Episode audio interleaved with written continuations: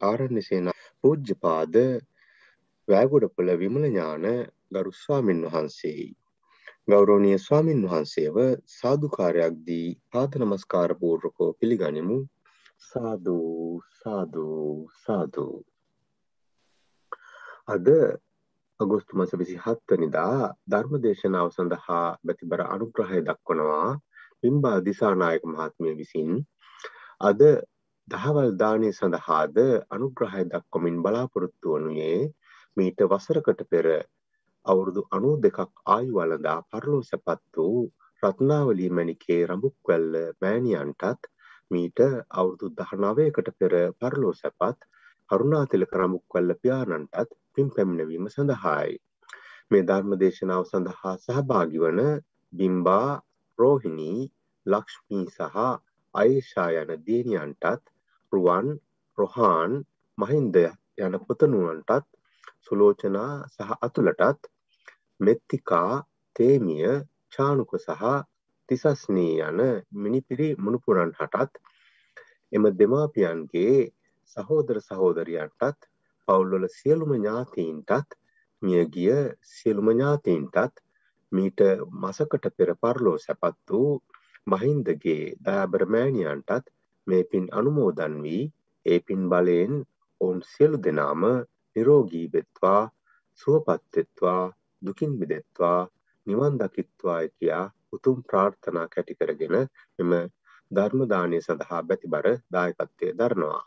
ඒ වගේම අගෝස්තු මස විසිහත්වන අද දින උපන් දිනය සමරණ අමිතා දළුක් දෙනිය මහත්මියට ආශිර්වාද කිරීමටත් මෙම වසරේ අවසානයේදී VCE විභාගයට පෙනී සිටින අගෝස්තු විසි නවවන දින උපන්දිනය සමරණ සවින් දළුක්දනිය සහ සයිනී දළුක්දනය යන දරු දෙදෙනාට ආශිර්වාද කිරීමටත් අමිතා දළුක්දනිය සහ බන්ධු දළුක්දනිය පවුලේ මියගිය සියලු ඥාතීන්ට සහ මියගිය සියලු ලෝවැසියන් හට සෙත් පැතීමටත් දේශකයාණන් වහන්සේ ඇතුළු සියලුම සංගරත්නයට සෙත්පතා ආශිර්වාද කිරීමටත් කෝවිඩ් වසංගතයෙන් රෝගාතුරව සිටින සියලුම දෙනාට ඉක්මන් නිරෝගී සුවය ප්‍රාර්ථනා කිරීමත් යන බලාපොරොත්තුවෙන් ඇතුව මෙම ධර්මදානය සඳහා ඇතිබරදායකත්වය සපයනවා.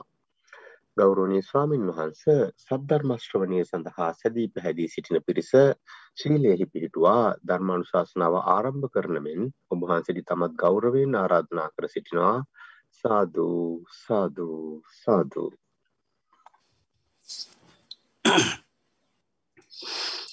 සිරු දෙනාටම තෙරුවන් සරණයි. සිල් සමාදංවීම සඳහා කවුරුත් නමස්කාරය කියන්න.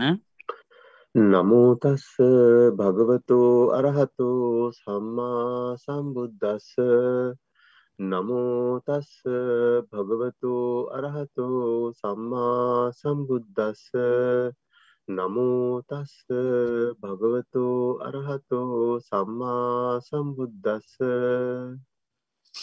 බුද්ධං සරනං ගච්ඡාමි. බුද්ධං සරනං ගච්ඡාමි. දම්මං සරනං ගච්ඡාමි. ධම්මං සරනං ගච්ඡාමි සංගහං සරනංගච්චාමි සංහං සරනංගච්ඡාමි දුතියම්පි බුද්ධං සරනංගච්ඡාමි දුතියම්පි බුද්ධං සරනංගච්ඡාමි දුතියම්පි ධම්මං සරනංගච්ඡාමි දුතියම්පි ධම්මං සරණං ගච්ඡාමි දුතියම්පි සංඝං සරණං ගච්ඡාමි දුතියම්පි සංඝං සරණං ගච්ඡාමි තතියම්පි බුද්ධං සරණං ගච්ඡාමි තතියම්පි බුද්ධං සරණං ගච්ඡාමි। තතියම්පි දම්මං සරණං ගච්ඡාමි। තතියම්පි ධම්මං සරණං ගච්ඡාමි। තතියම්පි සංඝං සරනංගච්ඡාමී තතියම්පි සංඝං සරණං ගච්ඡාමි සරනාගමනං සම්පන්නං ආම භන්තේ පානාතිපාතාවේරමනී සික්හාපදං සමාධයාමී පානාතිපාතා වේරමණී සික්ඛාපදං සමාදියාමි අදින්නාදානා වේරමණී සික්හාපදං සමාධයාමී අදින්නාදානා වේරමණී සික්ඛාපදං සමාදියාමි. කාමේසු මිච්චාචාරා වේරමණී සික්කාපදං සමාධයාමී කාමේසු මිච්ඡාචාරා වේරමණී සික්ඛාපදං සමාදියාමි. මුසාවාධා වේරමණී සික්කාපදං සමාධයාමී මුසාවාදා වේරමණී සික්ඛාපදං සමාදියාමි. සුරාමේරය මජ්්‍ය පමා දට්ඨානා වේරමණී සික්කාපදං සමාධයාමී සුරාමේරය මජ්්‍යපමා ඩට්ඨානා වේරමණී සික්ඛාපදං සමාධයාමි තිසරනේන සද්ධිම් පංච සීලන් දම්මන් සාදුකන් සුරක්කි තංකත්වා අපමාදේන සම්පාදී තම්භං ආම භන්තේ සාධූ සාධූ සාධූ හොඳයි සිරු දෙනාම තමන් ඉන්න ඉරියව්ව පහසුවෙන් තබාගෙන ඉන්න ඉරියාවට කවුරු සිහිය පිහිටුව ගන්න මම මේ මොහොතේ ඉඳගෙන ඉන්න කියලා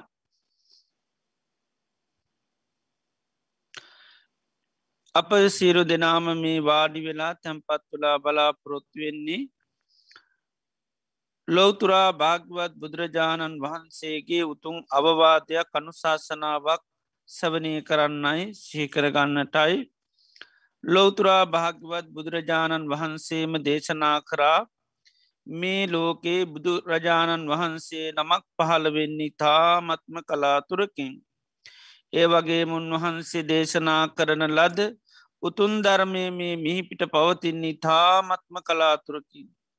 ඒ වගේ මෙම ධර්මය සවනය කළ තේරුම් අරං ඊට අනුකූලව කටයුතු කරනය පහළ වෙන්නේ තිතාමත්ම කලාතුරකින්. මේ ලෝකයේ මේ දුර්ලභ කාරණ අපේ ජීවිතවලට සම්මක වෙලා තියෙනවා. භාග්‍යවතුන් වහන්සේ මේ ලෝකයට පහළ වෙලා උන්වහන්සේ දේශනා කරන ලද උතුන් ධර්මය මේ මිහිපිට පවතින අවධියකදී අපි මනුස්ස ජීවිතයක් ලබලා උතුන් කල්්‍යාන මිත්‍ර ඇසුරු තුළින් එම ධර්මය සවනය කල්ල තේරුම් අරගන ඊට අනුකූලව කටයුතු කරන්නත් අපිට භාග්‍යවාසනාව උදා වෙලා තියෙනවා. අපේ ජීවිතවලට මේ ලැබිල තියෙන මේ උතුන් අවස්ථාව මේ දුල්ලබ මොහොත මේ උතුම් ප්‍රතිලහාබය අපිට තව කොතෙක් කාලයක් පවත්වන්න පුළුවන්ද කියන කාරණය අපි කාටුවත් කියන්න බෑ. කොයි මොහොතේ අපේ අතින් මේ වාසනාව මේ පෙතිලාබී ගිලිහිලා යාවිද දන්න නෑ.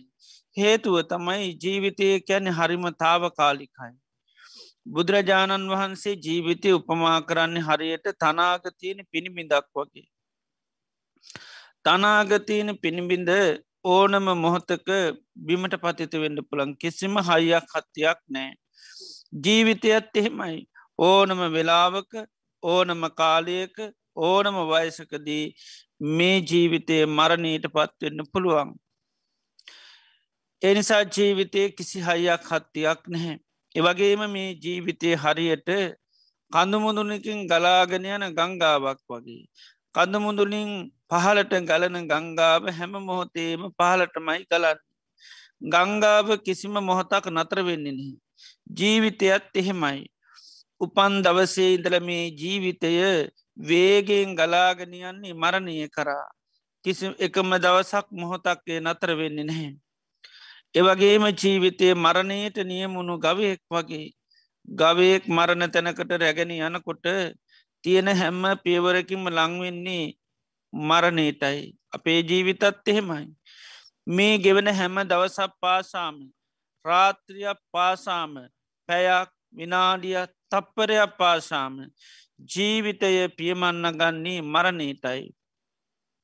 එවගේම ජීවිතය දියක ඇඳ ඉරක් වගේ දියේ ඇඳීර වහාම මැකෙනවා. ඒ මැකිලා යන්න ඉරාය කවදාක්වත් දකිට ලැබෙන්න්නෙත් නෑ. ජීවිතයත් එහෙමයි. යම් මොහොත්තකදී මේ ජීවිතය මරණය මැකී යනවා. ඒ මරණින් මැකෙන ජීවිතය කවදාකුවත් දකිට ලැබෙන්න හැ. මේ විදිහට ගත්තාහම අප ජීවිත කිසිීම හයියක් හත්තියක් නැති. වේගයේ මරණය කරා ගලාගනියන් මරණය කරා පියමන් නග මරණීන් කොයි මොහොතක හෝ මේ ජීවිතය මැකිලයනවා. මේ මරණය නොයෙක් හේතුන්ගෙන් සිද්ධ වෙන්නටත් පුළුවන් ඔය කණබොන ආහාරපාන බැරි වෙලාවක් වසක් වෙසක් වුණොත් මැරෙන්ඩ පුළුවන්.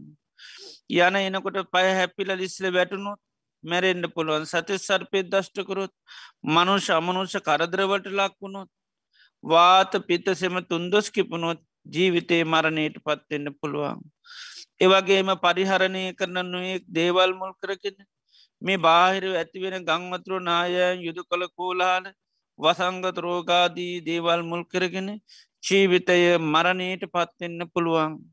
එනිසාමේ ජීවිතය කියන්නේ තාවකාලිකයි. මරණය අපිට ඒ කාන්තෙම සිද්ධ වෙන දෙයක්. ඒ නිසා අපි මේ ගත කරන්නේ අපේ ජීවිතය අවසාන කාලය වෙන්න පුළුවන්. අවසාන සතිකීපය මාසකීපය වෙන්න පුළුවන්. සමහරලාට අවසාන දිනකීපය වෙන්න පුළුවන්. සමහර වෙලාවට අවසාන දවස වෙන්නටත් පුළුවන්. ඒ නිසාම අපේ මේ අවසාන දේශනය සවනය වෙන්නටත් පුළුවන්. ලෝතුරා බුදුරජාණන් වහන්සේ නමක්ගේ ධර්මය අපිට සංසාරය හැමදා මහන්ඩ ලැබුන්නේ අපිට මේ මොහොතේ භාග්‍යවාසනා උදාවෙලා තියෙන ඒ නිසාපේ මනස බාහිර අරමුණුවලට යන්න නොදී මේ දේශනයට මුළු දොසවම්ම යොමු කරගෙන මම මේ ධර්මය අබෝධ කරගන්නවා එකන දැඩි මානස්කත්වය ඇති කරගෙන අපි භාග්‍යවතුන් වහන්සේගේ උතුන් අවවාදයක් අනුශාසනාවක් සවනය කිරීම සඳහා කවුරුත් සාධකාරයක් පවත්තුම්. සාධූ සාධූ සාධූ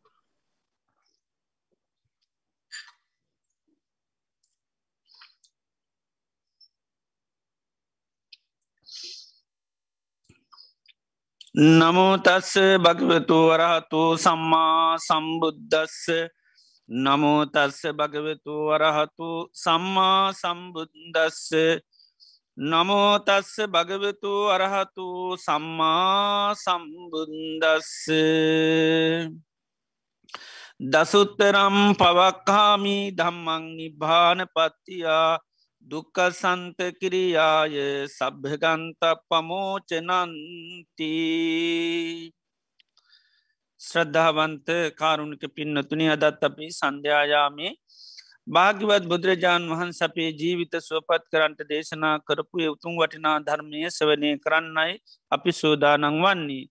ඒ සඳහා අපි මාර්ථකා කරන්ටය දුනේ දීගනිකාය අවසාන සූත්‍රය වෙන දසුත්තර සූත්‍රයයි. දසුත්‍රය සූත්‍රය ඇසුරු කරගෙන මේ දිනවල අපි ධර්මශ්වනය කරන්නේ. භාග්‍යවත් බුදුරජාණන් වහන්සේ චම්පා කියන නගරයේ ගග්ගරා කියන බොකුණු ළඟ උන්වහන්සේ වැඩයින් අවස්ථාවකද සාරිපුත්තු මහරහතන් වහන්සේ බිසූන් වහන්සේලාට දේශනා කරපු ඉතාම වටිනා දේශනාවක්. මේ දේශනය ආරම්භේදී මුණ උන්වහන්සේ දේශනා කරනවා දසුත්තරම් පවක්කාමී දම්මන් නිබ්භාන පත්තියා දුක්කත් සන්ත කිරියාය සබභගන්ත පමෝචනම්. නිර්වාණය සාස්සාත් කරන්න සියලු දුකින් නිදහස් වෙන්න සියලු කෙලෙස් ගැට ලියාගන්න උපකාරක මේ දසුත්තර ධර්මී දේශනා කරනවා කියර උන්වහන්සේ දේශනා කරනවා. මේ දසුත්තර ධර්මය කෙනෙ සවනය කරලා එහි අදාළ ධර්ම කරුණු තමන්ගේ ජීවිතය තුළින් පුරුදු පුහුණු කරගත්තොත් එයාට තමන්ගේ අභිමතාර් තිෂ්ට කරගන්න පුළුවන් ඒ තමයි දුකින් නිදහස් වෙලා නිර්වාණය සාස්සාත් කරගන්න. උන්වහන්සේ මේ නිර්වාණය සාස්සාත් කරගන්න සීරු දුකි කෙලෙස් ගැට ලිහාගන්න දුකින් නිදහස් වෙන්න උපකාරක ධර්ම මේ දේශනය තුළින් දේශනා කරනවා අංක එක ඉන්ද්‍ර දහය දක්වා. එනිසා උපකාරක ධර්ම පනස් පහක් උන්වහන්සේ දේශනා කරනවා. ඒවගේම උන්වහන්සේ මේ දේශනයේදී සාභකයා වඩන්න ඕන ධර්ම කරුණුත් පනස් පහත් දේශනා කරනවා. ඒවගේ උන්වහන්සේ මේ දේශනයේදී සාභකයා අවබෝධ කරන්න සච්චිකා තබ ගැන අවබෝධ කරගත යුතු ධර්ම පනස් පහත් දේශනා කරනවා. ඒවගේම සාභකයා ප්‍රහාණය කළ යුතු ධර්ම පනස් පහත් දේශනා කරනවා. ඒවගේම උන්වහන්සේ සාභකයාට පිරිහීම පිණිසේතුන කරුණු පනස් පහත් දේශනා කරනවා. ඒවගේම උන්වහන්සේ මේ දේශනය තුළ දියුණුව පිණිස හේතුවෙන ධර්ම කරුණු පනස් පහත් දේශනා කරනවා. ඒවගේම දුකසේ අබෝධ කරගත යුතු දුක්පට විජ්ජ ධර්ම පනස් පහත් දේශනා කරනවා.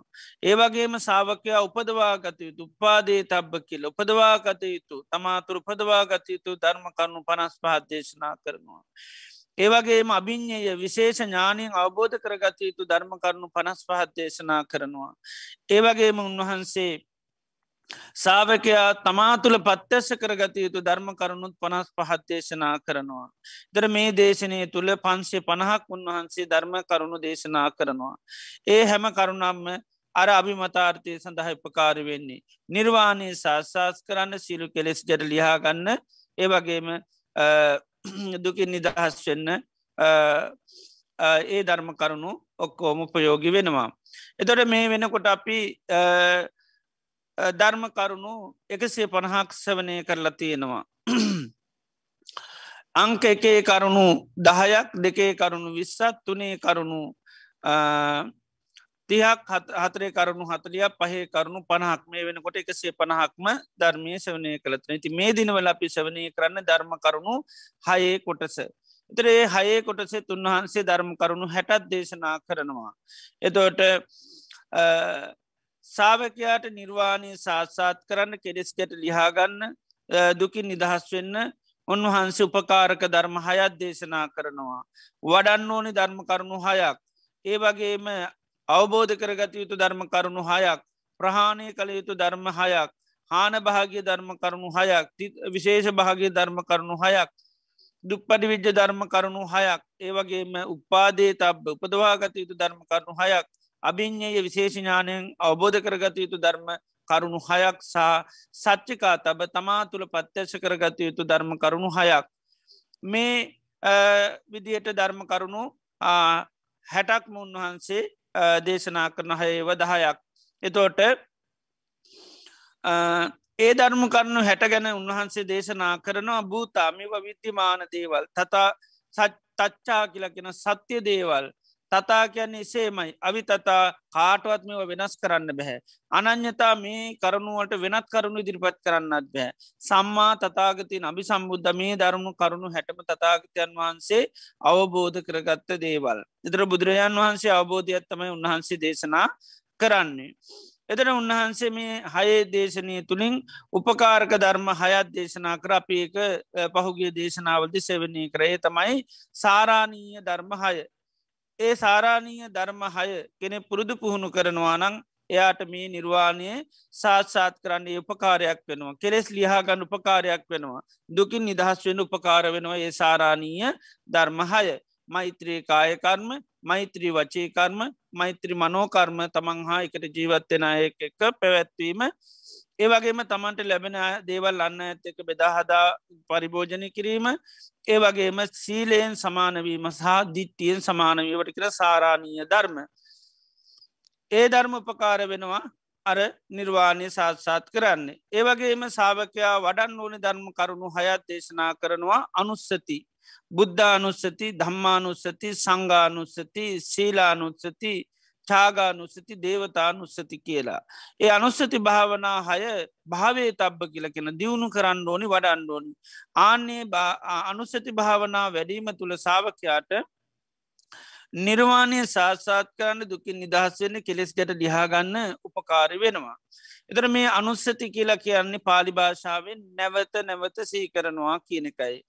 නැවත නැවත සිහි කරනවා.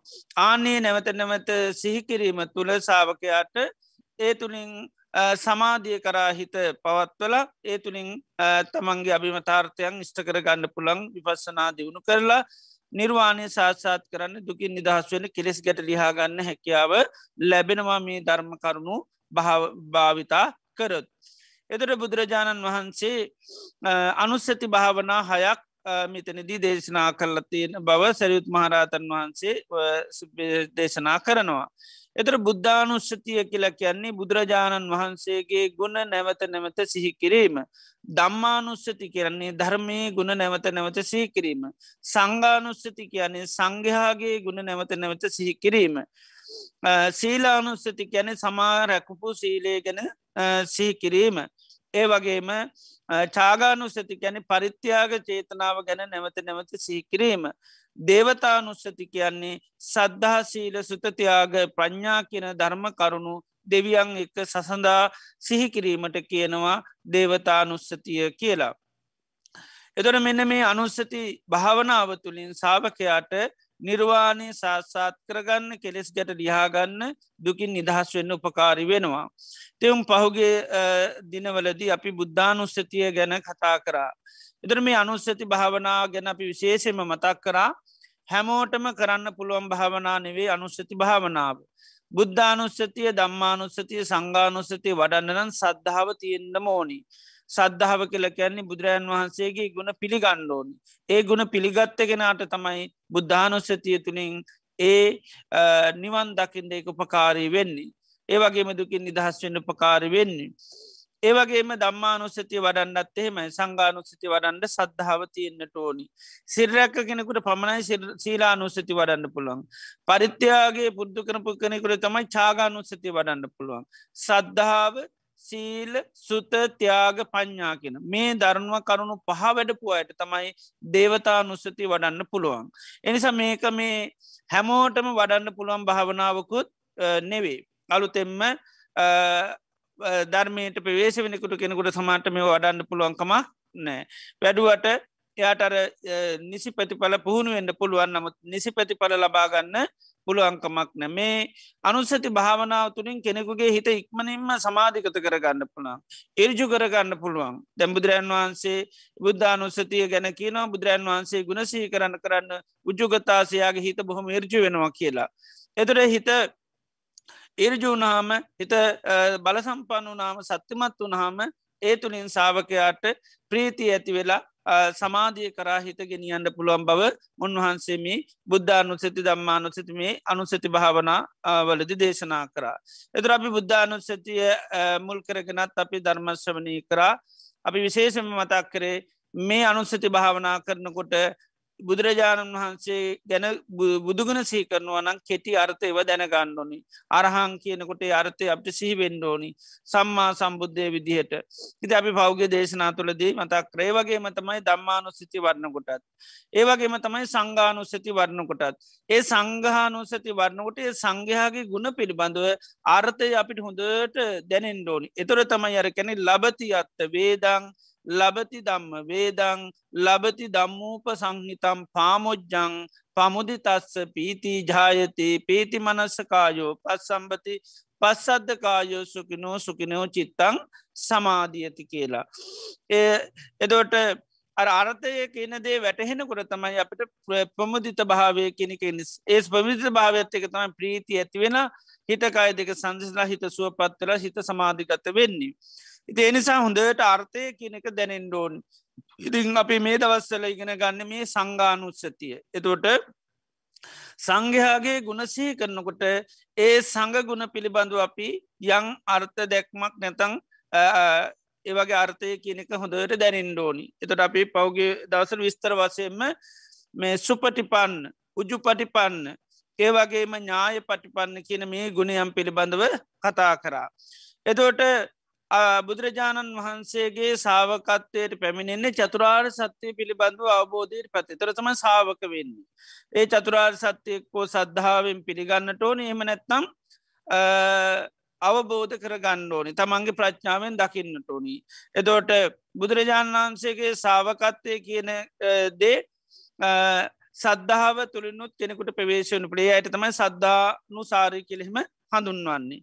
අපි පහුගෙ දසල පෙන්වා දැන් කෙනෙකුට අන්ද කෙනෙකුටත් තව කෙනෙකු උපදේශයක් මත කොහැරි යන්න පුළුව.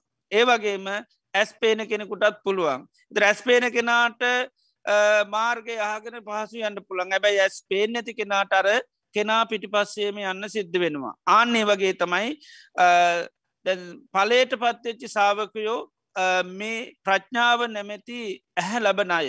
ඒකයි අපි සෝතා පන්නයට එහෙම කියැනෙ දස්සන සම්පන්නයි දම්ම දහම් මැස පහල වෙනවා කියල දැ කොන්නඥ ස්වාමි නාසර බුදුරන් වහන්සේ දේශනා කරනවා විරජම් වීත මලන් ධම්ම චක්කුන් උද පාදී. සෝතා පන්න වෙනකොටම මේ කෙලෙස් මලකට නැති පිරිසුදු දහම් මැස පහළ වෙනවා.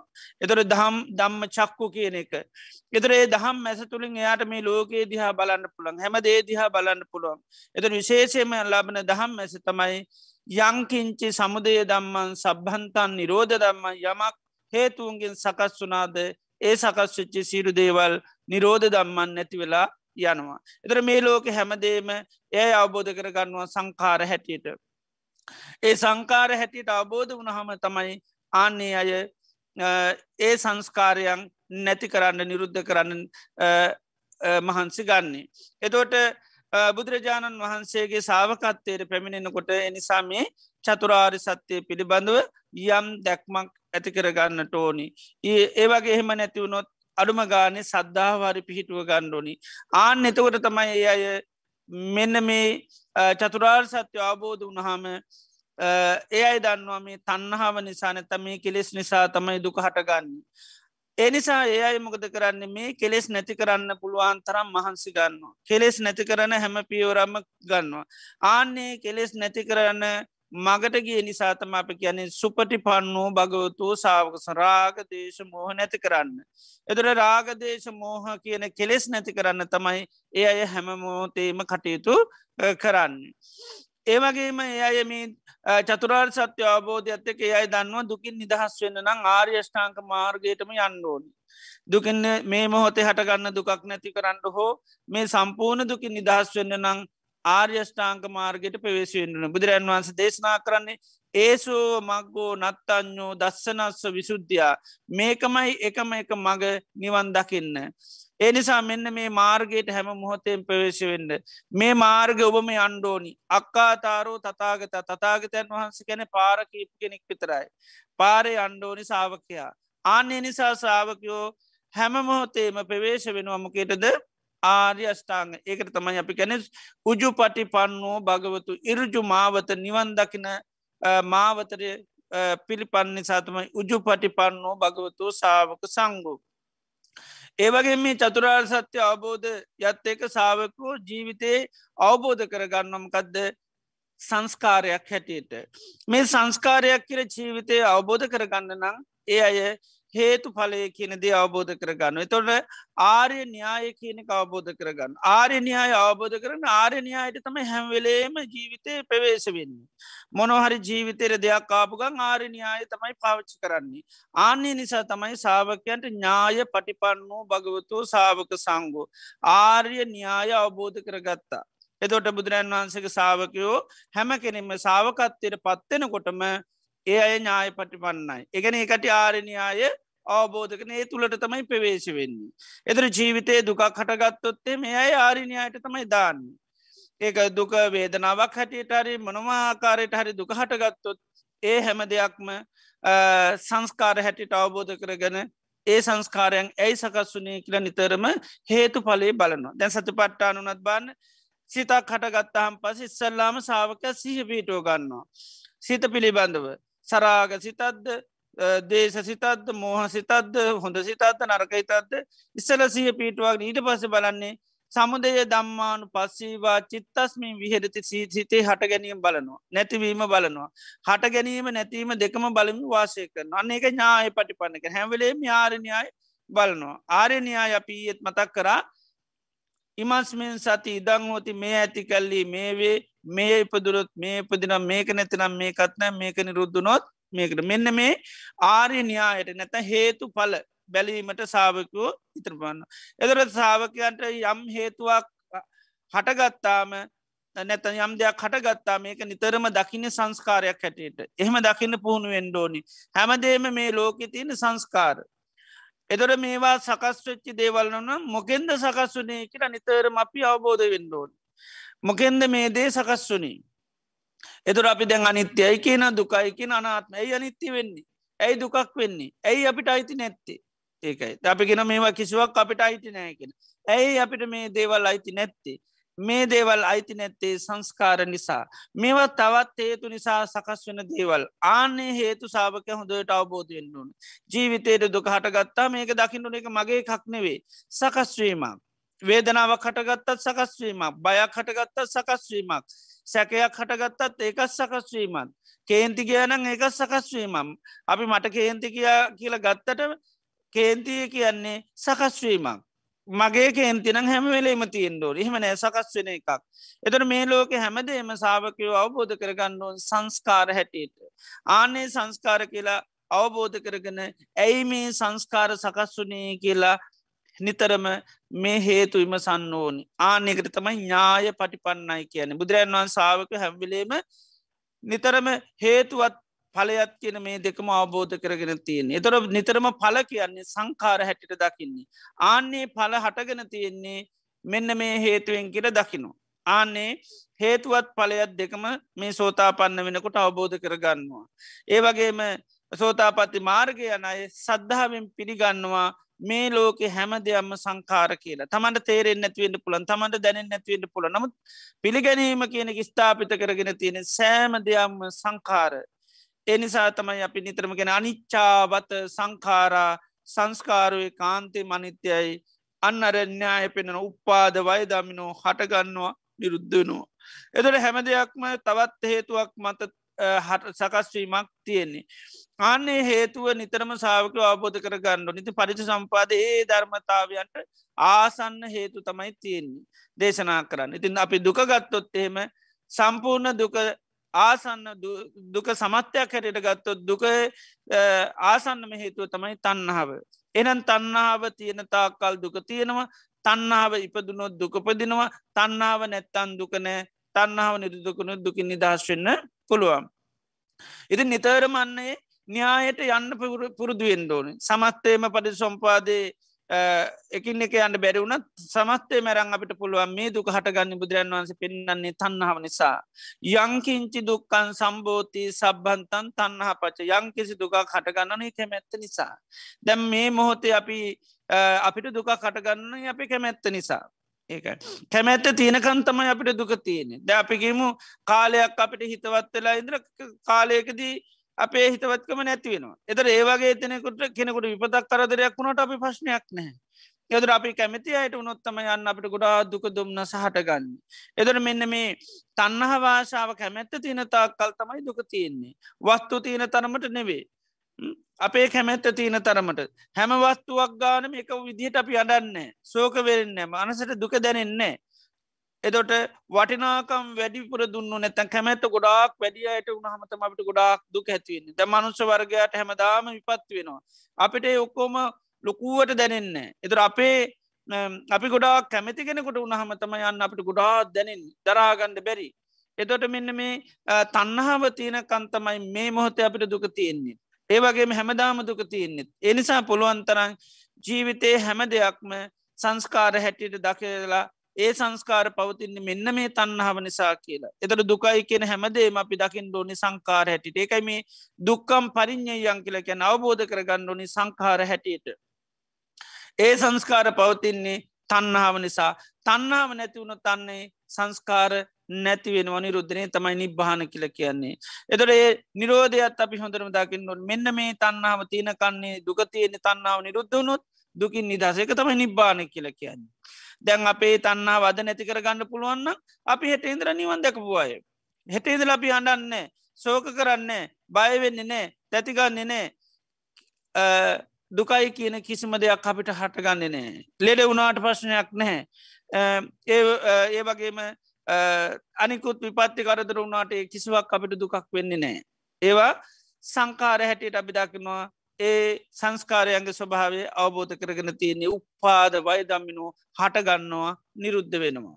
ඉතින් ඒ හටගෙන නිරුද්ධ වෙලා යනවා කියන අවබෝධයට අය පැමිණෙන්නේ අර ආරණයාය ඔස්සේ බලපු නිසා. එනිසා ජීවිතේ දුකක් කියන ඕනම දෙයක් සකස්සනකොට හැම මොහොතෙන් පුළුවන්තරන් දකින්න මේකත් සංස්කාරයක්. මේකත් සකස්වීමක් ඇයි මේ දේ සකස්වනි කියල පුළුවන්තරන් හේතු බලන්න. ඇයි මේ දේ සකස්වනේ ෙදර හේතු ඉතින් බුදුරන් වන්සේ දේශනා කල තින පඩි සම්පාද ගැන හේතු දේශනා කරලා තින තවත් දැන්වල ඒකක ධර්මතාවයට හේතු තියෙනවා. සමහර ධර්මතාවයන්ට පොදුවේ හේතු පෙන්නල තිනවා සමහර ධර්මතාවයන්ට ආසන්නම හේතු දේශනා කළත් තියෙනවා. ඉතින් ඒ නිසා මේ ලෝකෙ හැම දෙයක්ම ගත්තොත් සංස්කාර ධර්ම නිර්වාණය හැර නිර්වාණ ස්වභාවය කියනදේ හැර අනිත් ඔක්කෝම පෙන්න්නන්නේ සංකත ධාතු කියලා ධාතු දෙකයි ලෝකෙ තියෙන්නේ සංකතා ධාතු අසංකතා ධාතු කෙන. එතට ලෝකෙ තියෙන සකස් වෙච්චි ස්වභාවයක්. ඒ වගේම ඒ සකස් වෙච්චි ස්වභාවේ නිරුද්ධීමට තමයි අපි අසංකත ධාතු කියල කියන්නේ. සකස් වෙච්චි ස්වභාවය නිරුද්ධවීම. ඒකයි හේතු නිරුද්ධ නාම තමයි නිබ්බාන කියල කියන්නේ. එතොට හේතුව තියෙනකං අන්න නිබ්බාන ගැන කැන නිවනක් නෑ කියන එකයි. නිවන් දකින්න නම් තන්නාව නැතිවෙන්නම ඕනි. අපි සමාරලාට ගැන පස්න තියනවල ගැන මේ පස්න තියනකම් මට නිවනක් නෑ කියලා. ඉති පස්න නැතිවුණොත් අන නිවන්තින ඒවගේ තන්නාව තියනකන්තම අපිට නිවන්න ඇත් අපි එහෙමයි කියන්න ඕනි. තන්නාව තියනකම් මට නිවනක් නෑ තන්නාව නැතුනොත් මට නිවන් ලැබෙනවා. ආන ඒවිදිට සමහරව හරි පාවිච්ච කරටව නිවැරදිව පාච්චි කරන්නේ නැහැ. එතුර අපි නිතර කියන්න ඕනි. මේ තන්නාව තියෙනකං අනේ නිවනක් නං. නෑ තන්නාව නැතුනොත්තම යන්න නිවනක් තියෙන නිවීමත් තියෙන්නේ සැනසීමත් තියෙන්නේ. තන්නාව නැතුවනහම තමයි කියන්න ඕන. දේකට කෙලෙස් නැතිවෙල තන්නාව නැතුන අපා නිවන් දැක්ක කියලා කියන්න ඕනි. අපි සමහර දේවල් නිදහස් වනාම කියන පස්නෝල නිදහස් වනාම කියෙනවා. ඇබැයි අර්ථය මැත්ම වෙන්ඩෝනි දේවල් වලර තියෙන වටනාකන්දීම තන්නාව නැතිවීම නැතන් කෙලෙස් නැතිවුණනං අන්න ඒ මොහොතතම පිනිවන් දකින මොහොත. ඉතින් ඒ නිසා සෑම මොහොතේදීම ජීවිතේ අර බුදුරන් වහන්සේගේ සාාවකයෝ ගේ තත්වට පත්වෙන්නුනේ එදර බුදුරන් වහන්සේ සාාවකයන්ගේ ස්වභාවමකක්ද හැමම් දෙයම්ම සංකාර හැටිට දැකලා ඒ සංස්කාර ඇයි හටගත්ත කියල හේතු බලන්න ඒකර තමයි ඥාය පටිපන්නෝ භගවතෝ සාාවක සංගෝ. ඒවගේ බුදුරජාන් වහන්සේගේ සාාවක සංඝයා සාමීචි පටිපන්නෝ භගවතෝ සාාවක සංගෝ. ඒවගේ බුදුරන් වහන්සක සාාවකු සාමීචි පටිපන්නයි. සාමීචි පටිපන්නයි කියල කියන්නේ නිවන් දකින්න ඕන ධර්ම මාර්ගයට පිළිපන්න අය. ඒකයි අපි ඒවට කැන නිවන් දකිින් උපකාරක ධර්මතියන මනවද උපකාරක ධර්ම බෝධි පාසික ධර්ම එතර මේ බෝධිපාසික ධර්ම දියුණු කරන්න පෙවේශ වෙච්චි අයට තමයි සාමීජි පටිපන්නයි කියල කියන්නේ. ඒක තව දම්මානු දම්ම ප්‍රතිපදාව කියලත් අප කියන්නේ දැ සෝතාපත් අංගේ වැටියට කැන්නේ සද්ධර්මත්ස වනේ සල්්‍යාන මිත්‍ර ඇතුර යෝනිසෝ මනස්කාරය සහ දම්මානු දම්ම ප්‍රතිපදාව. මෙන්න මේ ධර්මානු ධම්ම ප්‍රතිපදාවෙන් තොරව කාටවත් ධර්මය අවබෝධ කරගන්න පුළුවන්කමක් නෑ. ඒකට ඥානදර්ශන පරිපදා ඥානදර්ශන විසුද්ධිය හැටිට පෙන්න්නවා එතර පටිපදා ඥානදර්ශන විසුද්ධිය ඇතුනොත්තමයි එයාට ඥාන දර්ශන විසුද්ධිය ඇති කරගන්න පුළුවන්. එතොට මේ නිර්වාණය කියන එක අවබෝධ කරගන්න උපකාරක ධර්ම තිස් සතත් දේශනා කන ඒවට ගැනමගත් සත්තිස් බෝධි පාශික ධර්ම පාශික කියල කියන්න උපකාර කරන අයට ජාපි කියන්නේ දේශපාලනය පැත්තෙන් කතා කොන ගැන පාශිකයෝ කියලා එතොඩේ පක්ෂයට අනුග්‍රහ දක්වන පශ්‍ය පවත්වගෙන යන්න අනුබල දෙන රුකුල් දෙනයට තමයි අන්න පාශිකෝ කියල කියන්නේ. අන්නේ වගේ චතුරාරි සත්‍ය අබෝධයට උපකාර කරන ධර්ම තමයි බෝධි පාශික ධර්ම කියල කියන්නේ. මං මුලිමුත්කි වනි චතුරාර් සත්‍ය අබෝධයට පත්තෙන් ඕනි සාාවකත්තයට. එතොට ඒ චතුරා සත්‍යය අවබෝධ කරගත්ත ඇය දන්නවා දුකින් නිදහස් වෙන්න නම් මේ ආර්යෂ්ඨාංක මාර්ගය දියුණු කරන්න ඕනි. දුකින් නිදහස් වෙනනම් සති පට්ටහන දියුණු කරන්න ඕනි. දුකින් නිදහස් වෙන්න නං ඉන්ද්‍රිය ධර්ම දියුණු කරන්න බොජ්ජංග ධර්ම දියුණු කරන්න අර බෝධි පාසක ධර්ම දියුණු කරන්න ඩි කිනවා දකිනවා. මොකද ඒ දන්නම බුදුරජාන් වහන්සේ නිවන් දකින යම් ප්‍රතිපදාවත් දේශනා කරනන් එම ප්‍රතිපදාවෙන් තොරව නිවන් දකින්න පුළුවන්කමක් නෑ. එනිසායකයි උන්වහන්සමෙන් නිවන් දකින්න ප්‍රතිපදාවත් දේශනා කරනවා. ඒකට කියන නිබ්බාන ගාමිණී පටිපදා කියලා.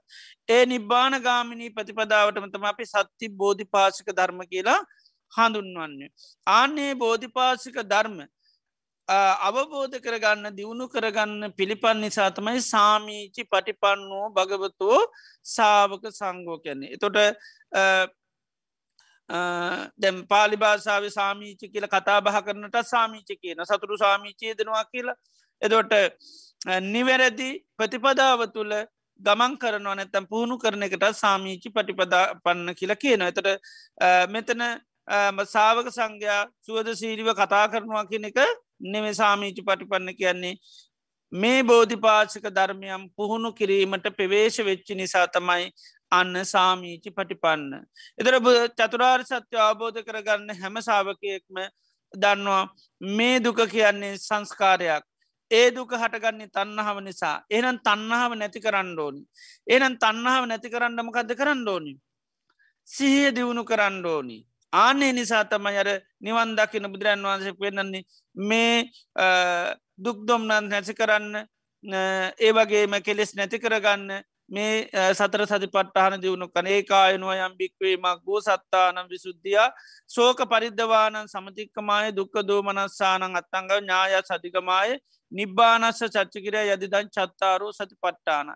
එදර අර සාාවකත්තයට පැච්චිච්චි කෙනා බුදුරන් වහන්සේගේ මේ නිවන් දකින්න ප්‍රතිපදාව දේශන යා දකිනවා නිවන් දකිින්ට නම් සිහිය දියුණු කරන්න මෝනි. ඒනි සයාමකද කරන්න? මේ සති පට්ටාන දියුණු කරන. එතට එයා දන්නවා මේ සංසාර පුරාවට මත්‍රමංච්චි මම්මුලා වෙච්චි ප්‍රධාන කරුණු හතරත්තමයි කයයි වේදනාවයි හිතයි දම්මයි කියන. මෙන්න මේවා තුළ මේවා අවබෝධ කරගන්න නැති තාක්කල්. මොකද වෙන්න? මේ වරතින තන්නහා ප්‍රහණය කරගන්න ඇති තාක්කල් දුකින් නිදහස් වෙන්න බෑ. ආන්නේ නිසා කය අවබෝධ කරගන්න ඕනි. වේදනාව අවබෝධ කරගන්න ඕනි.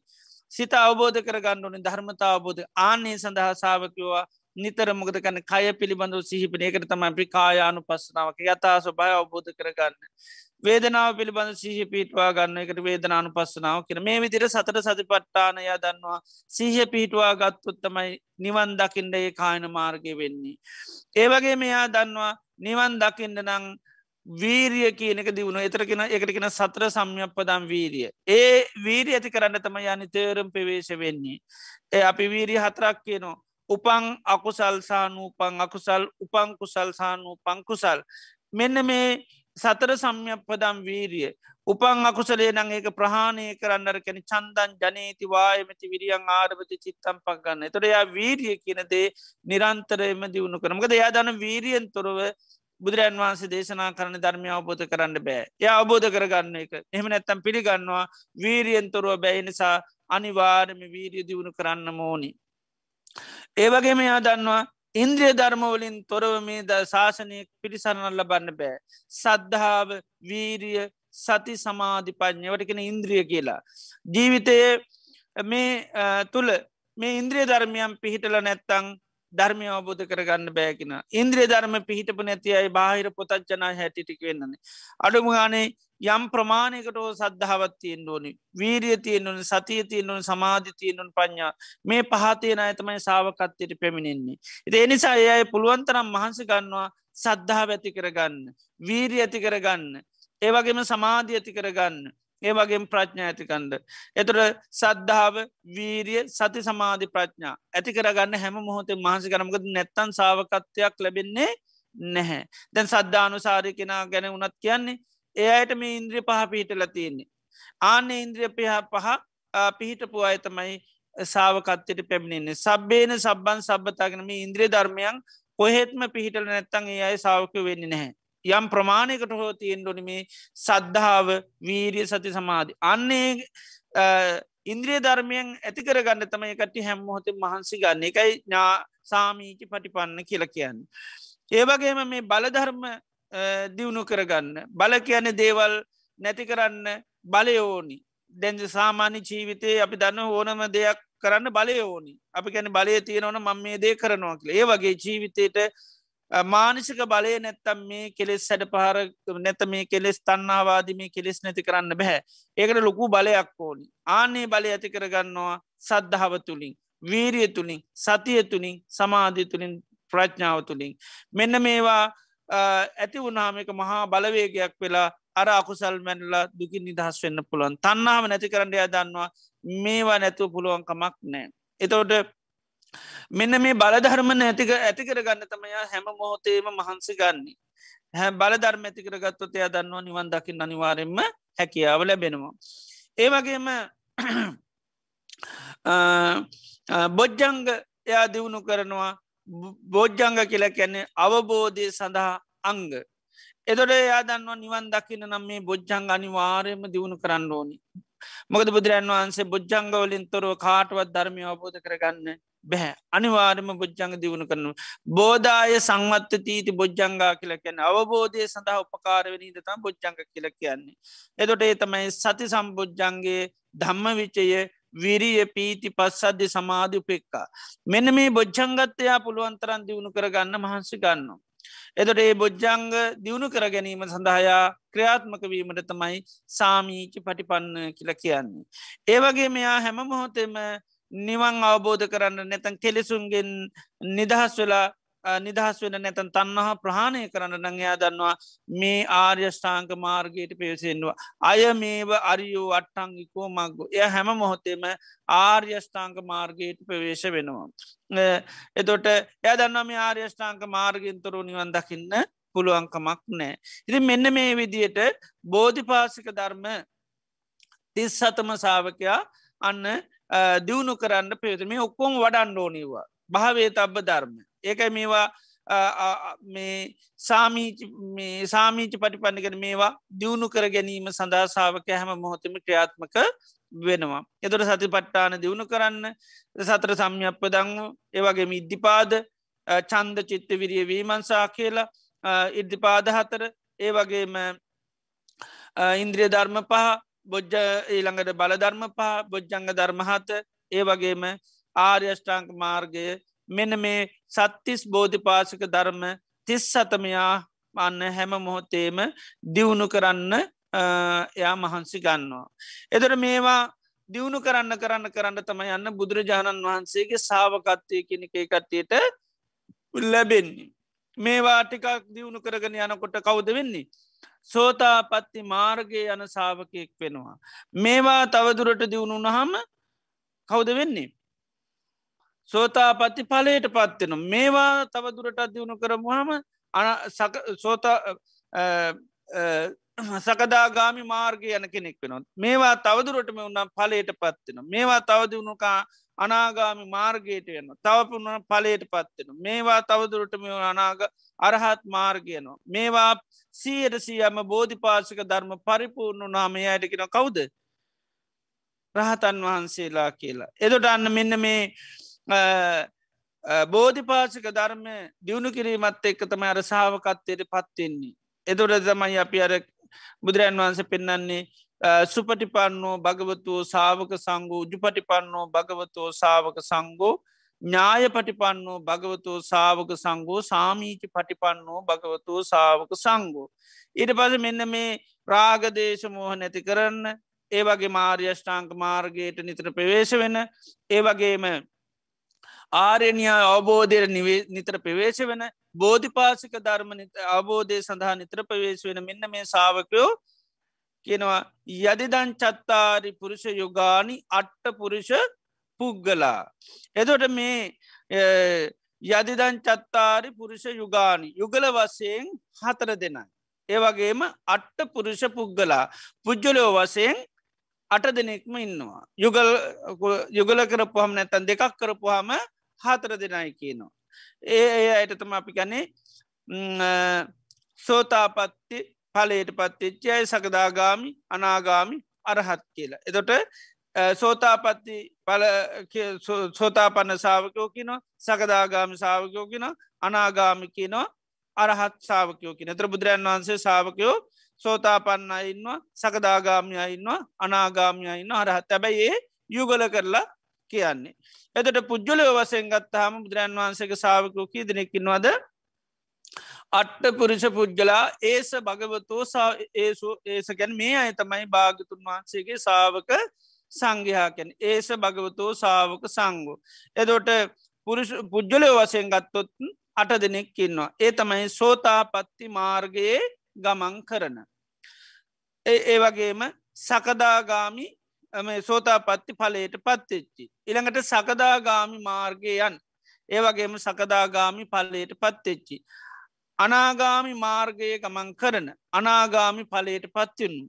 ඒවගේම අරහත් මාර්ගය යන අරහත් පලයට පත්වෙච්චි අය. එතරේ ඔක්කොම සාාවකවර ගුණයන්ගෙන් යුත්තයි. එතොට සෝතාපත්ති පලට පත්ති නැත සෝතාපත්ති මාර්ග යන සාාවකයට තර ගුණ තිරමනෝද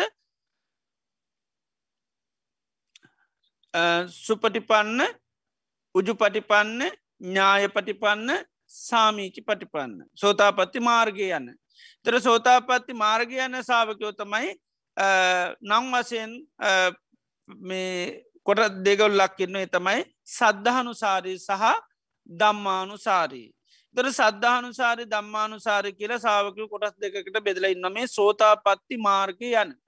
තර මාර්ගය යන පුද්ගලයක් තාම පලයට පත්වෙලා නෑ. තාම මාර්ගය ගමන් කරන සෝතාපත්ති පලයට පත්වෙන්නන් මාර්ගයක්ත්තිය. එතර ඒ සෝතාපත්ති මාර්ගයේ යන කෙනා හැබැයි ඒ සෝතාපත්ති මාර්ගයේ අන්ඩ තියෙන්නේ සම්පූර්ණම හරියටම තමන් දැකල යන ගමනක් නෙවේ. දැන් සෝතාපති පලට පත්වනහම තමයි දර්ශන සම්පන්නයි දම්ම චක්කු පහල ඔක්කොම තියෙන්නේ. ඒ සෝතාපති පලට පත්වෙනකං හරියට අර ඇස්පේෙන් නැති කෙනෙක් ගමනක් කැනා වගේ. එය ඇස් පාදගන්නකං එය ඉන්න. එයා මොකද කරන්නේ? එයා ඒ ගමන යනවා. එයා ඒ ගමන යනකොට මොකද වෙන නිතරම තමන් ඉස්සරහයෙන් කෙනෙ දාගෙන තමයි යන්නේ. ආන්නේ වගේ තමයි මේ බෝ මේ බුදුරජන් වහන්සේ දේශනා කරපු චතුරාර් සත්‍යය සද්ධාවෙන් පිළියරගෙන තමයි අය ධර්ම මාර්ගයන්න එය දන්නවා මේ දුක කියන්නේ සංස්කාරයක්. ඒවගේම දුකහට ගන්න තන්නාව නිසා තන්නාව නැතිනු දුකින් නිදහස් වෙන්න පුළුවන් ඒ තන්නාව නැති කරන්න නම් ආර්යෂ්ඨංග මාර්ගය ගමන් කරන්න ඕන්. එතුට ඒක එයාගේ තමන් පත්‍යශ අවබෝධය අන්නෙවේ. ඒක බුදුරජාණන් වහන්සේ කියපු හින්ද පිළිගන්න එකයි සද්ධාව කියලා කියන්නේ. අපි ගැනේ සද්ධහති තතාගතස්ස බෝධී බුදුරජාණන් වහන්සේගේ අවබෝධය පිළිගැනීමට සද්ධාව. එතර එයා සද්ධාව නැමැති ඉන්ද්‍රිය ඉස්සරහට දාගෙන තමයි ධර්ම මාර්ගය ගමන් කරන්නේ. එයාට සද්ධාවේ නිසාතමයි සද්ධානු සාරය කියලා කියන්නේ. සමහරයට සද්ධාවට වැඩිය ප්‍රඥා පොඩ්ඩක් පබලන එයට තමයි දම්මානු සාරය කියලා කියන්න හැබැයි මේ දෙන්නම සෝතාපත්ති මාර්ගයේ ගමන් කරන දෙන්නෙක්. ඒ අයත් අන්නර එකනෙ ගත්තව අපි සද්ධහනු සාරය කෙන එයා මේ චතුරාර් සත්‍යය තමන්ගේම දර්ශනයක් හැටිට දකින්නේ නැහැ. හැබැයි මේ චතුරාර් සත්‍යය පිළිබඳවයා දුක්ක සත්‍යයත් එයා සද්ධාවතුළින් දුක සත්‍යය කියන මොකක්ද කියල දන්න. සමුදේ සත්‍යයක් දන්න. නිරෝධ සත්‍යයක් දන්න. මාර්ග සත්‍යයක් දන්න. එතර දුකට කළ යුතු දේත්තය දන්න. දුක්කම් පරිින්්ඥයන්. ඒකත් එය පිළියරන්තියන්න තමන්ගේ දර්ශනයෙන් නැතිවුණට සෝතාපන්න වෙනකොට ඒ දර්ශනය ලැබෙනවා. හැබැයි මාර්ගස්ත කෙන ඒක පිළියරන්තියන්නේ මේ දුක කියන්නේ අවබෝධ කර ගණ්ඩෝනික. ඇයි දුක කියන්නේ සංස්කාරයක් සංස්කාරයක් හැට අපි අවබෝධ කර ගණ්ඩෝන. දැන් අපිට දුක පේනෙ මම කියලා මගේ කියලා මට අයිති කියලා. දැම මේ දුකට අයිති දේවල්තම ලෝක අපිට තියෙන්නේ. එතට ඒව දුක හැටිරනෙවේ මගේ දේවල් හැටිට පේන්නේ. අම්ම තාත ඥාත සෞදර මේ ඔක්කෝම දුක්ක සත්‍යයට අයිති. ඇහැ කන නාසද මේ ඔක්කොම දුක්ක සත්‍ර හැබැයි මේ ඔක්කෝ ම වගේ මට අයිති පේන්නේ සංකාර හැටිට පේන්නේ නෑ. නමුත් අන්නයා තමන්ගේ ප්‍රඥාවට ගොදුරු නොවන්ට එයා දන්න මේ ඔක්කෝම සකස් වෙච්චි දේවල් ඒක ඇර කියැනෙ චක්කුම් භික්කවේ අනිච්චම් විපරනාම අඥතාබා මේ ඇහැ කියන්නේ වෙනස්වෙල නැත්වල යනවා. යෝ ඉමේ දම්මා සද්ධහති යමෙක් මේක පිළිගත්තනම් අයං උච්චිති භික්වේ සද්ධහනු සාරය මෙයාට තමයි සද්ධහනු සාරය කියල කැන්නේ. ඔක්කන්තෝ සම්මත්තනයාම අන්න ආර්යෂ්ඨංක මාර්ගට පේවසු කෙච්චි කෙනෙක් පොතජන භූමි ඉක්මවාගිය කෙනෙක්. නිරේ තිරිසන් ලෝකාදී යන අකුසල් කරන්න අභවය කෙනෙක් එයා සෝතාපති පලයට පැමිණි තමයි මරණයට පත්වෙන්න කියනවා. එති ඒ විදියට චතුරාර් සත්‍යය ගත්තාම දැන් දුක්ක සත්‍යය ගත්තොත් එයා ඒක පිළි අරන්තියන දුක අවබෝධ කරගන්නඩුවන් එතට එයා කොයි වෙලේකොත් දුක්ක නිමිති නැති කරන්න මාසි ගන්න දැන් අපි සාමාන්‍යෙන් බලන දුක් නිමිති නැති කරන්න. එතට දුක් නිමිති නැති කරන්න හෙම යන්නේ නෑ එය දන්න දුක අවබෝධ කරගන්න ඕනීක දුක නැති කරනවා කියල මේ දුක් නිමිති නැති කරන්න යන්නේ නැහැ. එදවට සමුදේ සත්‍යය ගත්තොත් ඒක පිළිබඳවත්තයා පිළිගැනීමතින සමුදේ සත්‍යය කියන්නේ දුක හටගන්න තන්නාවනසේ තන්නාව අන්න පහතබ්බන් තන්නාවතම අයින් කරන්න ඕනි. එතට තන්නා වයින් කරන්න තම යහැම් වෙලේ කටයුතු කරන්නේ. එම නැතැන් කෙලෙස් නැති එකයි මේ සුපටි පන්න කියලා කියන්න. එතොට එයා එනිසාන්නර මේ රාගදේශ මෝහාද මේ කෙලෙස් නැති කරන්න මහන්සි කන ය දන මේ කෙලෙස් තිනතා කල්තමයි පශ්න තින්නේ හෙට නිකලෙසුනුත් මේ පස්සන මට නිදහස් වන්න පුළන් එක යාගේ පිළිගැනීම බවට පත්වෙනවා. ඒවගේ මෙයා දන්නවා මෙන්න මේ කෙලෙස් තින තාකල් පසන තින කෙලෙත් නැතිවුණොත්තමයි අන නිද ඒක තමයි නිබ්බාන. ඒක පත්්‍යස කර ගණ්ඩුන එන තමා තුළ කෙලෙස් නැතිවීම පත්්‍යස කර ගන්න ඒ පත්්‍යස කර ගන්න තමයි කෙලෙස් නැති කරන්න අවශ්‍ය ප්‍රතිපදාවට හැම මොහොතම ක්‍රියාත්ම කෙන එකයි සුපටිපන්න භගවතු සාාවක සංගෝ. එතර එයා දන්න මේ තන්නාව පවතින්න මේ රූපේට ඒකයි මේ රූපේට තියන තන්නාව නැති කරන්න යමෙක් මහන්සි ගන්නවන යාට සුපටි පන්න කියල කියලා කියන්නේ. යතේ සුපටි පන්නා කියලා කියනවා. රූපේට තියෙන රාගදේශ මුහ නැතික නැත රූපේට තින තන්නාව නැති කරන්න. වේදනාවට තින තන්නාවට සංඥාවට තියෙන තන්නාවට එතට ඒ අයට තමාර සුපටි පන්න කෙන එතොටයා අර විදිරි සද්ධාවෙන් පිළියරං එයා දන්නවා මේ රූපේට තියන තන්නාව තියන කන්තමයි ප්‍රශ්න තියෙන්නේ. ඒන රූපේට තියන තන්නාව නැති කරන්න. මක තන්නාව නැති කරන්න ය මහන්සිකන්නේ රූපේ නැති කරන්න නෙවේ හැබැයි රූපේ තන්නාව තියෙන රූපේටයි. ඒනන් රූපේට තන්නාව තියෙනන රූපය අවබෝධ කර ගණ්ඩෝනි ඒ අවබෝධ කර ගන්න තමයා හැම මොහොතම මේ රූපය කියනමකක්ද සංකතයක් හැට අවබෝධ කර ගන්නන්න ඥාය පටිපන්න වෙනොයා එතොට ඒම ඥාය පටිපන්න උනහම තමයාට ඒ ළඟට එයා දන්නවා මේ තන්නාව නැති කරන්න නං මේ උපකාරක ධර්ම අවශ්‍යයි. නැතන් මේ ජීවිතය අවබෝධ කරගන්න නැතැන් රූපය අවබෝධ කරගන්න තනියෙන් නිකම් බැහැ උපකාරකායෝනිය තමයි සිහියෝනි වීරියෝනි ඉද ඉන්ද්‍රිය ධර්මෝනි බොජ්ජංග ධර්මෝනි. ආන එතුරයා නිතරම පොකදන ඥාය පටිපන්න වෙනවා. ඉතින් එතෝට තම යන්න ඒවක් ඒ අයට තම අපේ ඒස භගවතෝ සාාවක සංගෝ කියල කියන්න. ඉති නිසා මේ බුදුරජන් වහන්සේ සාාවකයන් පිළිබඳ අපි ගොඩා පහදින්ඩෝ නිතර බුදුරජන් සාාවකයෝ කියන නිකං කිසිම පිරිහිටා පිළිසරණක් නැති පිරිසක් නෙවේ. ඉතාමත්ම පිහිටක් පිළිසරණක් ඇති අභිමානවස් පිරිසත්තමයි බුදුරන් වහන්සේ ශාවකයෝ ගැන එමුදු පිරිසත්තම අපි සරණ යන්නේ සංගන් සරණං ගච්ඡාමි කියල සංඝයා සරණයනවා කැන මේ වගේ අවබෝධයකට ප්‍රත්වුණු නිවැරදි වැඩ පිරිලත් තියෙන පිහිටක් පිළිසරණත් තියෙන පිරිසක්. ඉතිේ අය සරණ ගියත් පිහිට කරගත්තු අපිටත් ඒ කාන්තිම පිට පිළිසරන්නත් තියෙනවා.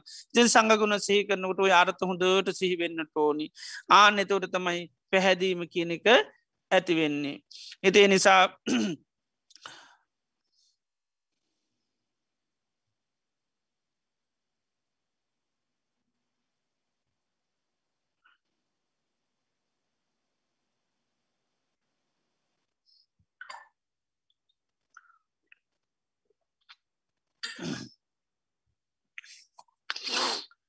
මේ සංගානුසිතිය වන්නකට මේවා පිළිබඳව හොඳට අර්ථ දැනගෙන සංගගුණ සිහි කරන්නු නිතර තම අපිට ගොඩාක් මේ නිරාමිෂ ප්‍රීතිය කියන ඇතිවෙන්නේ මේ අර්ථය කියන එකයි ලබති අත්තවේ දන් ලබති දම්මවේ අර්ථය හොඳට දැනින් ෝනි නැතන් නිකං අපි කටපාඩමින් සජ්්‍යහනා කරයි කියලා අපිට ලොකූ මේකක් නැහැ. හොඳට අර්ථම හොඳට මෙනෙහි වෙන්ඩ ඕනි. සුපටිපන්න කියනකොට උජු පටිපන්න කියනකොට ඥාය පටිපන්න සාමීචි පන්න සුපටිපන්න කියනකොට රාගදේශ මෝහ කෙලෙස් නැති කරන මාවතට පිළිපන්නා. උජු පටිපන්න කියෙන ආර්යෂ්ඨාංග මාර්ගයට දියුණු කරන්න පිළිපන්නා. ඒව ඥාය පටිපන්නකැන් ආරය න්‍යා ඇති කරගන්න පිළිපන්න. සාමීචි පටිකන්න ගැන බෝධි පාසක ධර්ම දියුණු කරන්න පිළිපන්න පටිපන්න කියන පිළිපන්න කියන පුරුදු කරනවා පුහුණු කරනවා ගෙන තම් පටිපන්න කියන්නේ. ඒ නිසා බුදුරජන් වහන්සේක සාාවකවාන්නේ ස්වභාවිට තමයි හැම මොහොතෙම ක්‍රියාත්මක වෙන්නේ කටයුතු කරන්නේ. එතිේ නිසා බුදුරජන් වහන්සේගේ සාාවකයන් පිළිබඳව එහෙම ගුණසය කරනකොට සංගානුසති වන්නකට මේ අර්ථ දැනගන්න ඕනි ඉතිරි කරුණු පිළිබඳව අපි තවදේශනයක දිසවනය කරමු. ඉතින් අද දිනේ දිත්ති තාම සන්තෝෂයට පත්වෙන් ඕනි බුදුරජන් වහන්සේ අපේ ජීවිත සුවපත් කරන්න දේශනා කරපු ඒ උතුම් වටිනා ධර්මය අදත් අපි සවනය කරා ඒ තුළින් අපේ චිත්ත සන්තාන තුළ අප්‍රමාණ පුුණ ශත්‍යයක් අත්පත් වෙනවා. ඒවගේම අද දිනේදී අපි දේශනය ආරම්භ කරන්න පළමුීම අපි අද දිනේදිත් මරණ සතිය දියුණු කල්ලා මරණානුස්මෘති භාවනාව දියුණු කරා. ඒ තුළනුත් අපේ චිත සන්තාන තුළ ප්‍රමාණ පුුණ ශත්‍යයක් අත්වෙනවා. ඒ වගේ මද දිනේදී ධර්ම දේශනාව සඳහාදායකත්වය සැපීමින් ධර්මදානමය පින්කම සිද්ධ වෙනවා. බුදුරජාණන් වහන්සේගේ ධර්මය අහන්ඩ ඉද සලසල දෙනවා නම් මේ වගේ ආයතනයම් පවත්වමින් මේ වගේ දේශනා මාලාවල් නිතර පවත්වමින් මනුෂ්‍යයන්ට අවශ්‍ය ධර්මය අහන්ඩ ඉද සලසලදීම මේ ලෝකයේ දෙන්න පුළුවන් ලොකෝම දීම තමයි ධර්මය අහන්ඩ ඉට සලසලදීම. එනිසා ධර්මදානමී පින්කම මේ මෝතේ සිද්ධ කරනවා ඒ වගේම ධර්මය දේශනා කිරීම අමුෘත දානමී පින්කම හැටිට දේශනා කරනය වගේ මේ දේශනාවන් අහන්හන් අපට භාගතුන් වහන්සේ කරේ මහා සද්ධාවක් ඇත්වෙනවා. සම්මා සම්බුද්ධෝ භගවා ඒකාන්තයෙන් බුදුරජාණන් වහන්සේනන් සම්මා සම්බුද්ධයි. ධර්මය ස්වාකාතයි සංඝයා සුපටිපන්නයි තිවිධ රත්නය කිරීම අපිට මහා ශද්ධාවක් ගෞරයක් භත්‍යයක් ඇතිවෙනවා මේ දේශනාවන් සවනය කරන්න කරන්න. යම් මොහොතක චිත්තක් පසාදයක් තිවිදරත්නය කර ඇතුනොත් ඒක බොහෝ කාලයම් හිතසුව පිණිස පවතිනවා. තිං අද දිනේදී ධර්මස්වනය කිරීමෙන් මරණානුස්මති භාවනාව මොහොත් සිද්ධ කිරීමෙන් ඒ වගේම ධර්මදානමී පින්කස සිද්ධ කිරීමෙන් ඒ වගේම දානමාන කටයු සඳහාවුණු ගහ දැක්වීමෙන් ඒ වගේම අමෘත දානමය සිද්ධ කිරීමෙන් ඒ වගේම චිත්ත ප්‍රසාධඇත ගැනීමෙන් අපේ චිත සන්තානතුළ මේ මොහොතේ අප්‍රමාණ පුුණ ශත්‍යයක්ත් පත් වෙන අද දිනීදිත් විශේෂ පුුණ්‍ය අනුමෝදනාවන් සිද්ධ කරන්න බලාපොරොත්තු වෙනවා. අද අගෝ අගෝත්තු මස විසිහත්වනි බ්‍රාස්පතින්දා ධර්ම දේශනාව සඳහා දායකත්වය අනුග්‍රහය දක්වන්නේ බිම්බාධිසානායක මහත්මිසිං ඒවගේම දානය සඳහත්තතුමිය අනුග්‍රහ දක්වනවා. මීට අවුරුදු මීට වසරකට පෙර අනු දෙකක් අයවලද පරලෝ සපත් වූ රත්නාවලී මෙනිකේ රබුක් වැල්ල මෑනියන්ට පින් අනුමෝදන් කරන්න බලාපොරොත්තුනේ වගේම මීට අවුරුදු දහනමයකට පෙරපල්ලෝ සැපත් කරුණාතිලක නබුක් වැල්ල පියාණන්ට පින් අනුමෝදන් කරන්න බලාපොරොත්තු වෙනවා.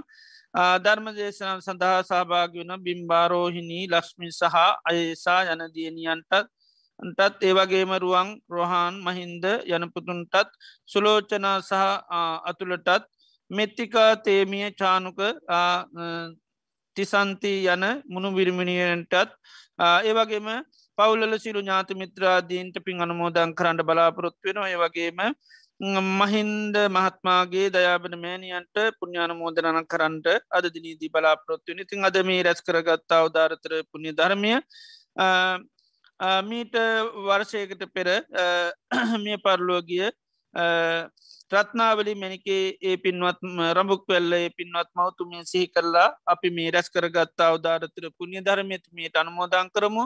ඒ පින්වත් මවතුම සේතින් කරගත් පිනක් හා සමානව සාදු කියල මේ පින් අනුමෝදං වේවා. මේ පින් අනුමෝදංවීමෙන් ඒ මවතුමිය ලැබූ ජීවිතය ආවිෂයෙන් වර්ණය සැපෙන් බලයෙන් සමුද්ධමත් ජීවිතයක් පේවා සසර වසනාතුරු නිවන් දක්නා ජාති දක්වා දිවී මනු සාධි සුගතිරෝකොළ ඉපදමින් ආර්යෂ්ඨාංක මාර්ගය ගමන් කරමින් චතුරාර් සත්‍ය අබෝධ නිර්වාණය අවබෝධ කරගන්නේ මෞතුමියට මේ පින් උපකාරවේවා කියලපී පුුණ්ඥාන මෝදනා සිද්ධ කරමු. ඒවගේ මවරුදු දහනමිකට පෙරල පරලෝ සබත් කරුණාතුරික රබුක් වෙල්ල ඒ පින්වත් පේතුමාට මේ පින් අනුමෝදන් කරම එතුමාද මේ පින්න සියතින් කරගත් පිනක් හා සමානු සාතු කියල අනුමෝදං වේවා මේ පින අනුමෝදංවීමෙන් එතුමා ලැබූ ජීවිතය සොපත් කරගන්න සසර ගමන සොපත් කරගෙන නිර්වාණය අබෝධ කරගන්න මේ පිනුපකාරවේවා කියලා අපි පුුණ්‍යානුමෝදනා සිද්ධ කරමු.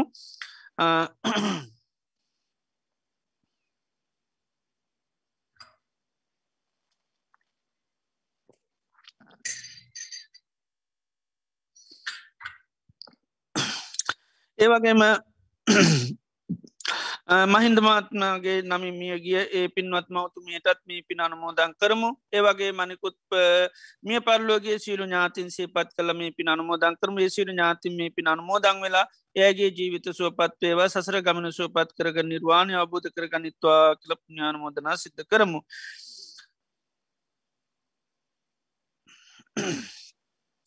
ඒවගේ මද අගොත්තු විසියන දින ද උපන්දිනය සමරන අමිතා දළුක් දෙනිය මහත්මයට ආශිර්වාද කිරීමට බලාපොරොත්තු අද දිනේදීමී රැස් කර ගත්තා උදාරතර පුුණි ධර්මයානු බා බලෙන් බුදු පසේබුදු මහරතුන් වහන්සේලා ගැනන්තු ගුණානු භාව බලෙන් එතුමීට නිදුක් නිරෝගිස්ව පත් භාවය චිරජීවන දීර්ගාශ ලබේවා. රජුන්ගෙන් සරුන්ගෙන් ගින්නින් ජලයෙන් වස සාධකින් කිසි මන්තරාවක් නොවා කායකමානක සුවසාහන ලැබේවා. සමුද ශාසනය මුල් කරගෙන දානාදී පින්කන් සීලාදී ගුණ ධර්ම සමති පස්සනා භාවනාවන් දියුණු කරගන්න. සතවර්ශාදී කාලය දීර්ඝාශ ලැබේවා කලප්‍යාශිරවාද කරනවා. ඒවගේම විභාගේ සඳහා මුණ දෙන්න බලාපොරොත්වනේ දරු දෙපලට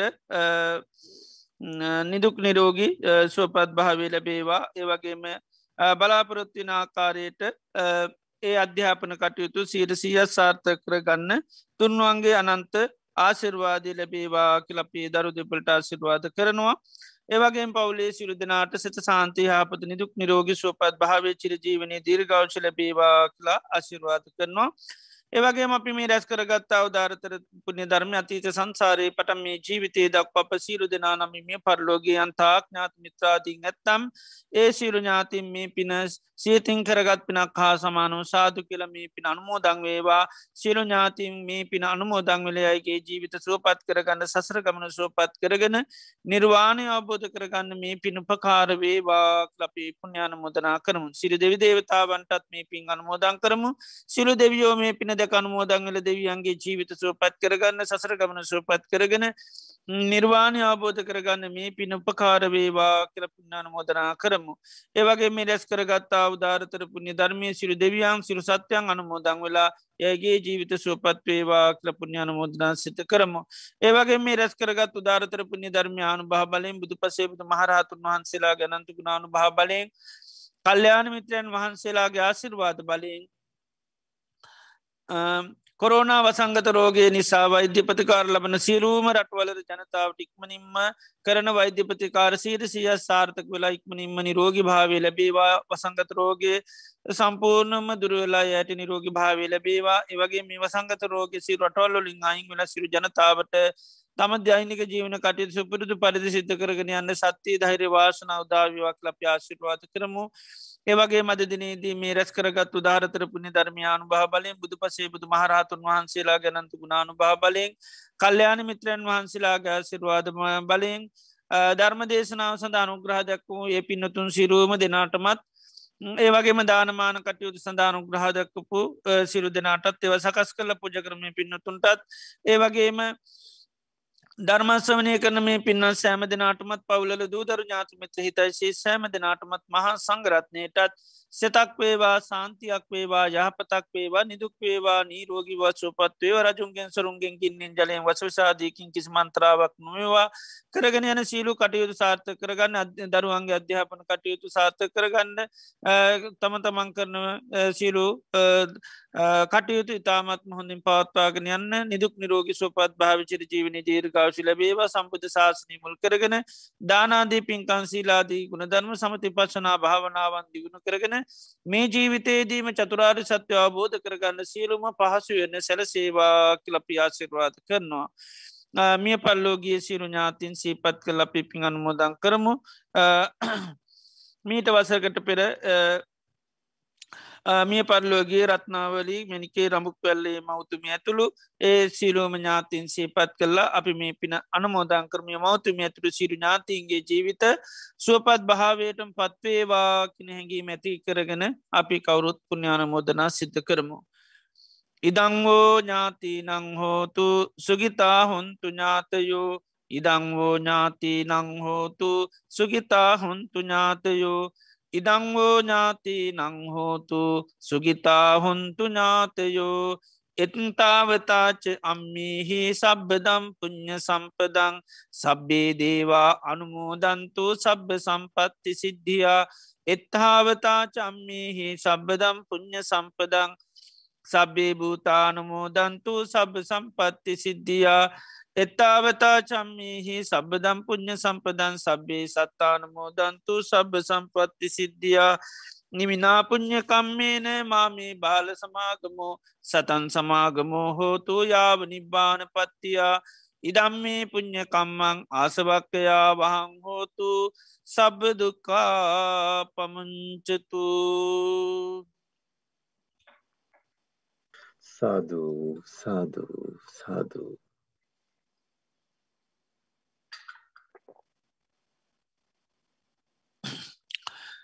තුන්වන්ගේ අනන්තු ගුණාවන බහ බලයෙන් සැම දෙනාට සිත සාන්ති වේවා ක්ලාසිර්වාද කරනවා.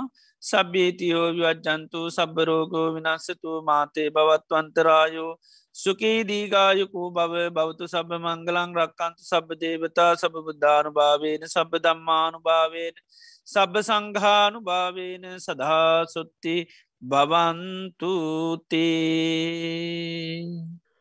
සාධූ සාධූ සාධූ ඕකාස වන්දාමි භන්තේ තුපත්වේවා මයා කතම් පුඤ්ඥං සාමිනා අනුමෝදි තබ්බං සාදුවන මුත්තබ්බං සාමිනා කතම් පුඤ්ඥං මයිහන්දා තබ්බං සාදුවන මුත්තබ්බං සාධු සාධු අනුමෝදාමී.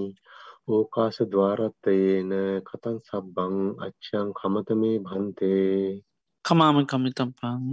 ඕකාස කමාමි භන්තේ දුතියම්පි ඕකාස කමාමි භන්තේ තතියම්පි ඕකාස කමාමි භන්තේ සීලවත්තං ගුණවන්තං පුඤ්ඥක් එත්තං අනුත්තරං දුල්ල භේනමයාලද්ධං පස්සිතුන් වන්දිතුන් වරං සාරිපුත්තාදි තේරානං ආගතං පටිපාටියා සද්ධා සීලදයාවා සං බුද්ධ පුත්තන්නවා මහං සාධූ සාධූ සාධූ බද්ධයක විහාරී ආරණ්‍ය සේනාසනය මගින් අන්තර්ජාලය ඔස්සේ පවත්වාගෙන ලබන සද්ධර්ම දේශනා මාලාවේ අද අගෝස්තු මස විසි හත්වනි සිකුරාදා ධර්මානු ශාසනාව පවත්වාව දාල බද්ධයක විහාරී පදන මේ ප්‍රධාන අනුශාසක පූජ්‍යපාද වෑගුඩපළ විමල ඥාන ගෞරවනීය ස්වාමින් වහන්සේට චිරාත් කාලයක් ශාසනික සේවය යෙදමින් බොහෝ දෙනාගේ ධර්මාබෝධය වඩා වර්ධනය කිරීම සඳහා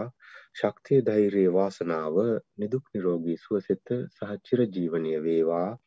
ප්‍රාර්ථනීය බෝධියකින් උතුම් වූ නිර්වාණ අවබෝධය සාක්ෂාත් කර ගැනීම සඳහා අප සියලු දෙනා රැස් කරගත් උදාර කුසලානි සංශයන්ද හේතු වාසනා වේවායි. සාදුකාරදී පින්නානුමෝදනාදනන් සිදු කර ආශිර්වාද කරමු. සාදු සාදු සාදු. සද්ධර්ම ශ්‍රවණය කළ සුසිල්වත් සියලුම දෙනාට සම්මා සම්බුදු සරණයි. Recording stopped. Thank you.